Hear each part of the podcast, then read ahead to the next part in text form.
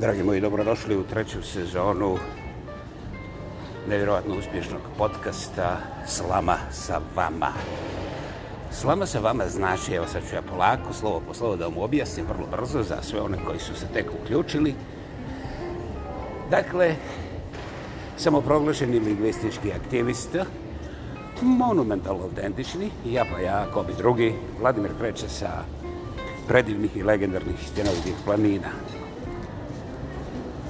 Ne znam kako smo stigli do treće sezone, jer nismo imali plan. A ko smo mi? A mi smo ja i ovaj što govori.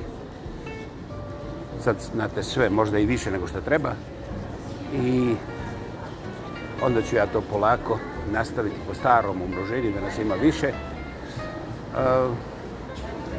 Bezbroj tema je dotaknuto i ništa od toga nije klasificirano u nekakve kataloge sa objašnjenjima, studiranjima i jedino što mogu reći da sam tu i tamo pogledavao na statistike i to, i to iz vrlo jednostavnog razloga. Naime, ovaj server koji radi ta prebrojavanja ko, kad, koliko, on između ostalog ne broji samo koliko je bilo slušanja, nego da li je taj klik, recimo vi ste slučajno kliknuli na link moga podcasta i onda odjednom pojavi se da ja imam takvih tisuću klikova u sat vremena i ja kažem, uuu, sad imam tisuću ljudi koji me slušaju. Znate, suština cijele te priče je da to tako ne radi. Naime, taj klik jeste tehnički tako i redom sve kako treba, međutim, Ukoliko gledate klikove, to ne znači ništa. Na serveru postoji masu drugih algoritama koji prate puno, puno toga o čemu ja neću govoriti namjerno. Ima razloga, ima vremena za to. U ostalom, ne vjerujem da ste vi zainteresirani da postanete internetski ekspert u jednom podcastu. Malo je i nemoguće, ali meni najslađa informacija sa servera je kad neko klikne i kad dođe na ovaj podcast, da li tu ostaje drugim riječima, da li taj čovjek onda nastavi da sluša, dakle, da li ima taj, kako se to kaže, stream, da li sluša ili prekida, odlazi pa se vraća i tako dalje. I ono što je za mene najdraže je kada više od 95% vas koji posjećujete ovaj podcast – Dakle, više od 95% kada počne slušati, onda sluša do kraja. A to je ono zbog čega sam ja stigao do treće sezone, jer bez slušatelja koji su zainteresirani da čuju šta je rečeno u cijelini, tako da imaju najbolji uvid o tome čemu se govori, to su slušatelji zbog kojih ne samo da vrijedi, nego to su ljudi zbog kojih puno toga i postoji. Vrlo jednostavno. Dakle, zahvaljujemo svima vama koji ste nas produžili u, troć, u treću sezonu. Da li će biti sljedeća četvrta? Hajmo odraditi ovu i onda ćemo hladnokarvno moći po svemu drugome što se budućnosti tiče. Toplo je ljeto, vrelo još uvijek premda ga mnogi napuštaju na razne načine. I, ok, nemam ništa protiv toga. I mogu samo reći da je odlično vidjeti ljude koji se pozabavljaju nekakvim lijepim ljetnim temama. Istovremeno, znate, nije nimalo lako primijetiti da je taj bijesni rat u zamahu. U zamahu koji je po svojoj prirodi nečovječan i koji pokazuje pravo lice ovih super bogataša. Ja naravno ne krivim samo njih, ali je očigledno da ljudska pohlepa ima samo jedan cilj, da bude još pohlepnija. I to je stvar koja donosi sve vrste bolesti, a najgore su bolesti koje se ne mogu liječiti, znate. Pogledajte oko sebe, pogledajte gdje su nam familije, ne države, zaboravite, države su i onako samo aparatura, servisna aparatura za ovu gospodu koja obrće te puste novce. Ja mislim da bi tu mogu završiti jer ovaj ostatak priče vrlo dobro znate i osjećate, a da vam ja to još dosoljavam na otvorene rane, njajk, nisam zainteresiran danas. Danas slavimo početak treće sezone podcasta Soma sa vama. Ovo je prvi put u trećoj sezoni, September morning, znači taj, to jutro, septembarsko je jutro sprozujelo i za vas. Uh, Vama je bilo 8 sati ranije nego meni, ja sam u to jutro došao 8 sati kasnije kad ste već ono, završavali poslije podnevne poslove. I... Kaže jedna grupa šta, šta, šta još reći put ka ličnoj sreći. Evo, sad smo već prekršili pravila nekih jezika. Ovaj je puno čupava stvar. Ovaj, ja onda kažem ljudima, pa koristite, ima masu tih električnih žiljeta na koje ne možete da se posjećate, šta čekate?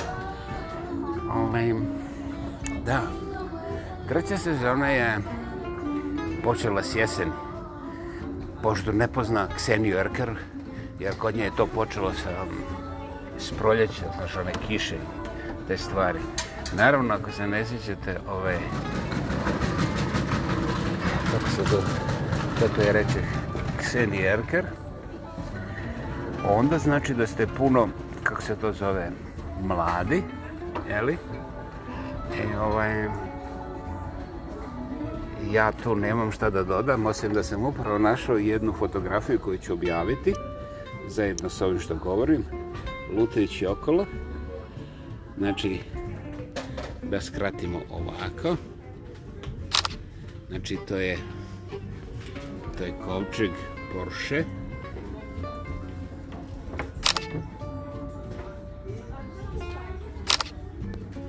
I ovaj, zajedno uz Mika Jagera Ja mislim, ovaj...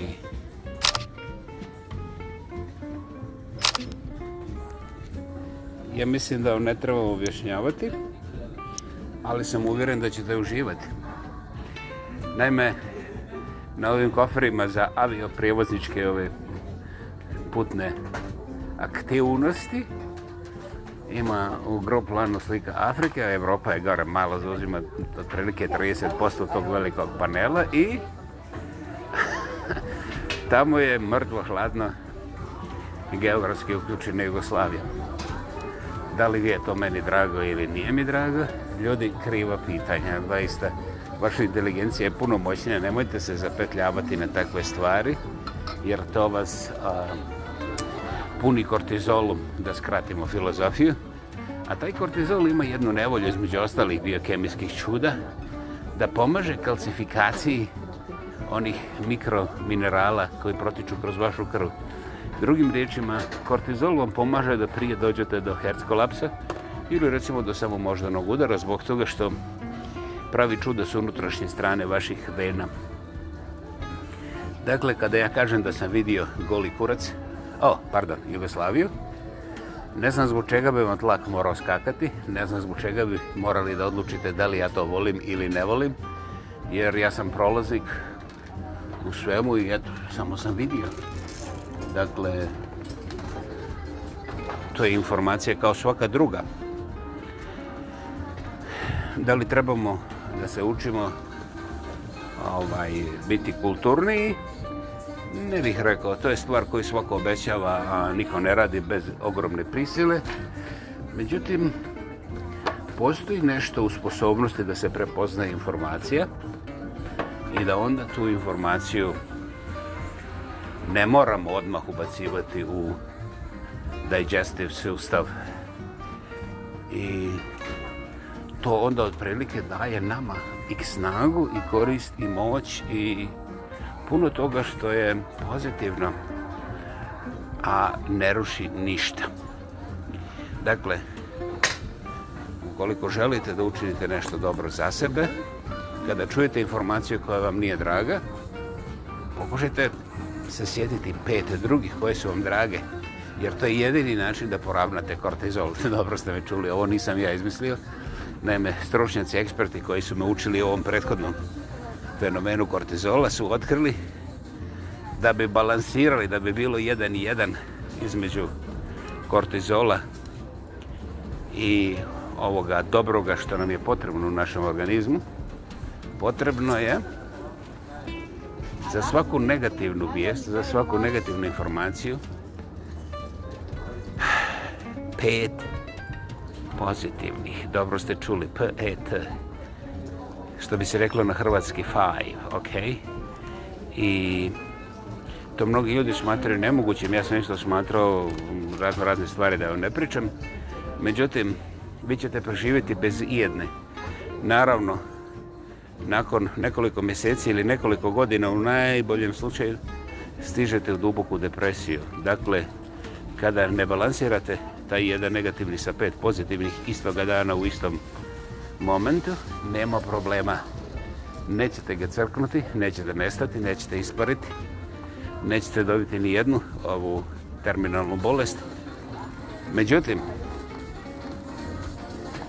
nakon nekoliko mjeseci ili u najboljem slučaju nekoliko godina, sjetit ćete se ovog našeg prvog podcasta u trećoj sezoni i reći otkud je on to znao skratimo, nisam znao, nego sam naučio. Nego sam naučio, a, također sam probao i depresije i mogu vam reći da je bolje biti bez mozga nego e, dozvolite sebi depresiju. Ozbiljno, ako ne vjerujete, provjerite, samo mi nemojte reći rezultate jer to vam isto dođe kao i sa Putinom, znaš, ono, za koga si, Slušaj, ubijaju ljude, razaraju jednu divnu zemlju. Kakve veze za, ima za koga sam ja negdje na kraju svijeta? Kao kad mu završi, zavrnemo sve špine, on će prestati ratovati. Za Boga miloga, da li je svijet ikad bio gluplji? Mi smo otkrivali sve načine da se zaustave ovi bahati koji vole ratove. I znate šta? Rezultat je nula. Nijedan rat nismo zaustavili, pogotovo nismo ga zaustavili na vrijeme.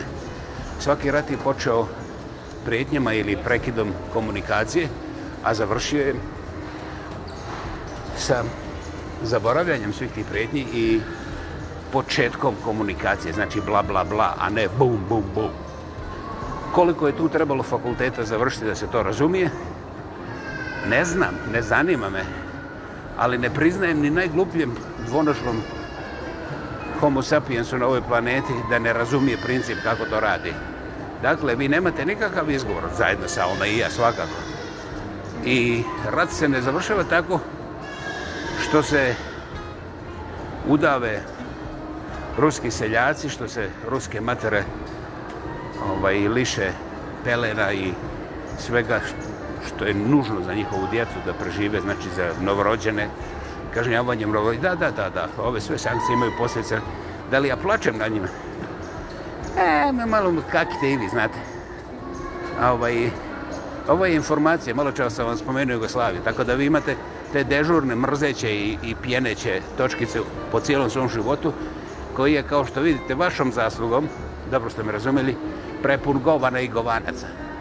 I onda vam treba jedan veliki Putin da se dokažete tu kako vi znate šta je ovo, šta je ono.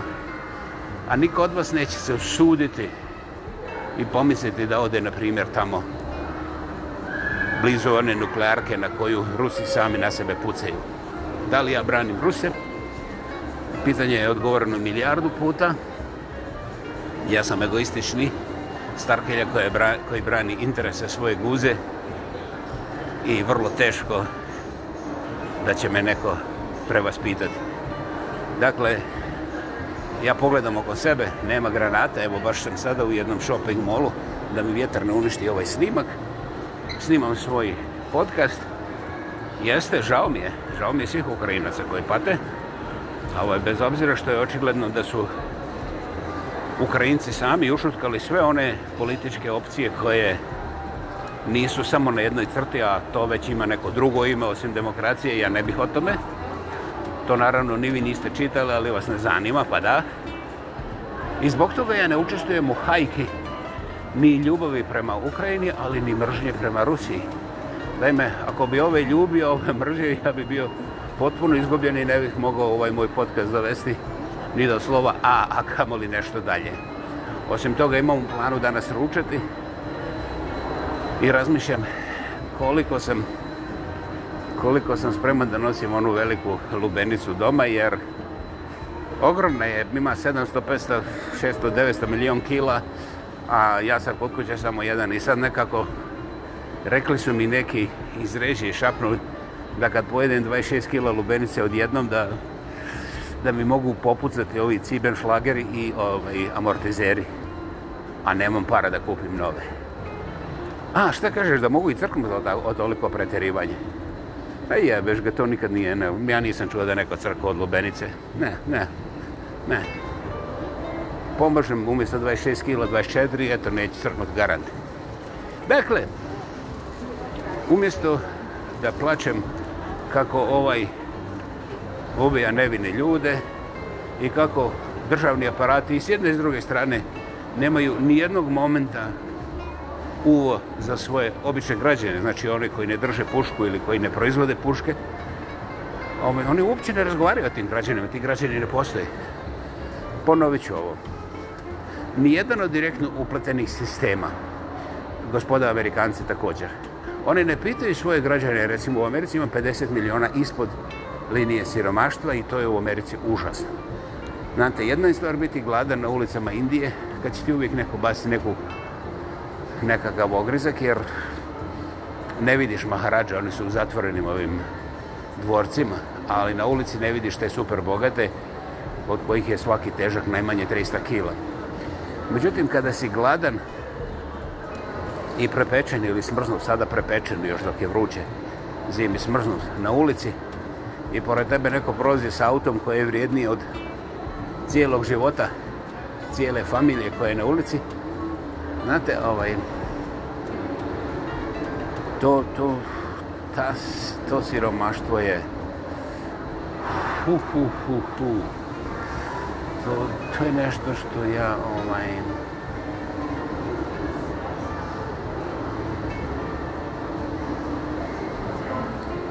evo, što ja čak neću ni opisivati.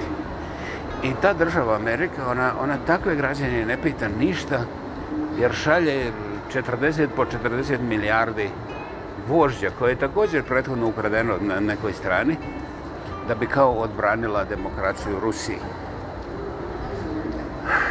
Gospodo moje, to nije ni mentalna bolest. Dakle, ja želim da zaustavim silovanje sa jebavanjem. A, aha, ovo grubo zvuči, ali neću reći ništa grublje, idemo dalje. Idemo dalje. Druga stvar, Ukrajinci nisu pomenuli ni jednim jedinim slovom. Provjerite sve te informacije, molim vas, prije nego što počnete da, da krkoljete oko mene, jer ja sam potpuno sporedna figura, ja ne postojim, znate, ja nisam institucija.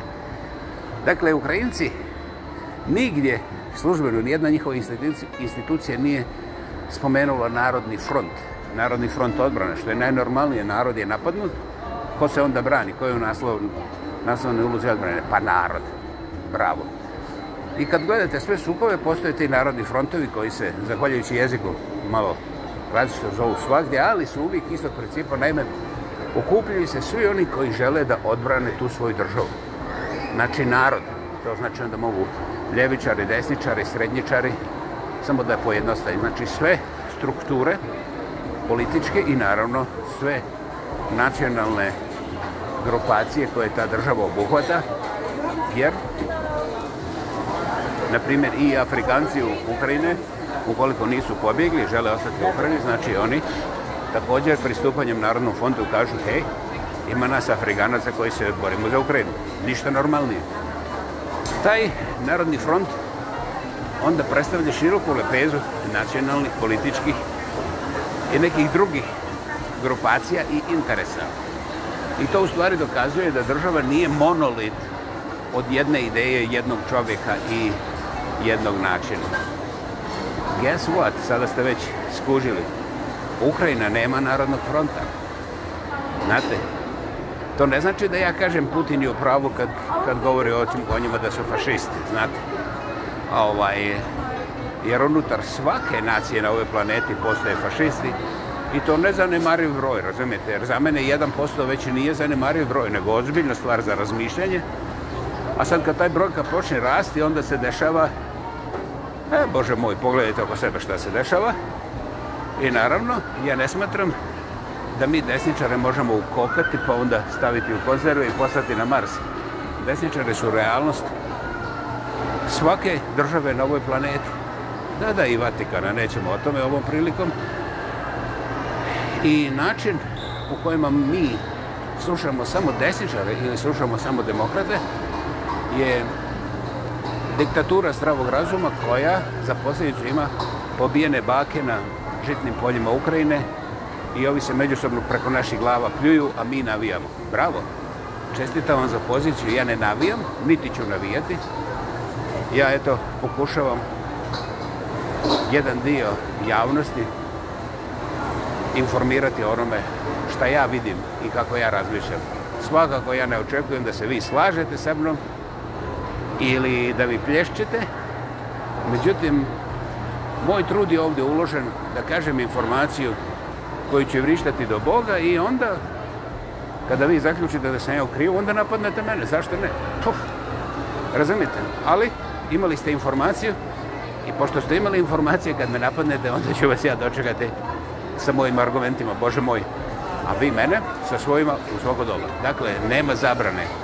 Jedino, je zabrana zaboraviti pitanje zašto Ukrajina nema Narodni front, zašto on nije oformljen nakon toga mučkog napada koji očigledno ne štedi nijedan interes Ukrajine.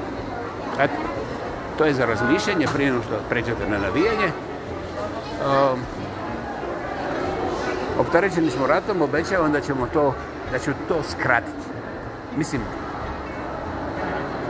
korelacije sa ratom i bilo koje priče oko toga. Trebaju nam neke druge teme i upravo to je ono na što ću se ja skoncentrirati u nastavku ove treće sezone. Ovo je bila prva prva epizoda podcasta Slama sa vama u trećoj sezoni. Sam proglašeni lingvistički aktivista ja pa ja, ko bi drugi Vladimir Kreća sa predivnih i legendarnih senovitih planina. Hvala vam što ste i danas bili ovdje iskreno, duboko, časno i istinski hvala. Žele vam svako dobro, sve najbolje, najprije zdravlje i uživajte, čujemo se uskoro drugi put u trećoj sezoni. Hvala.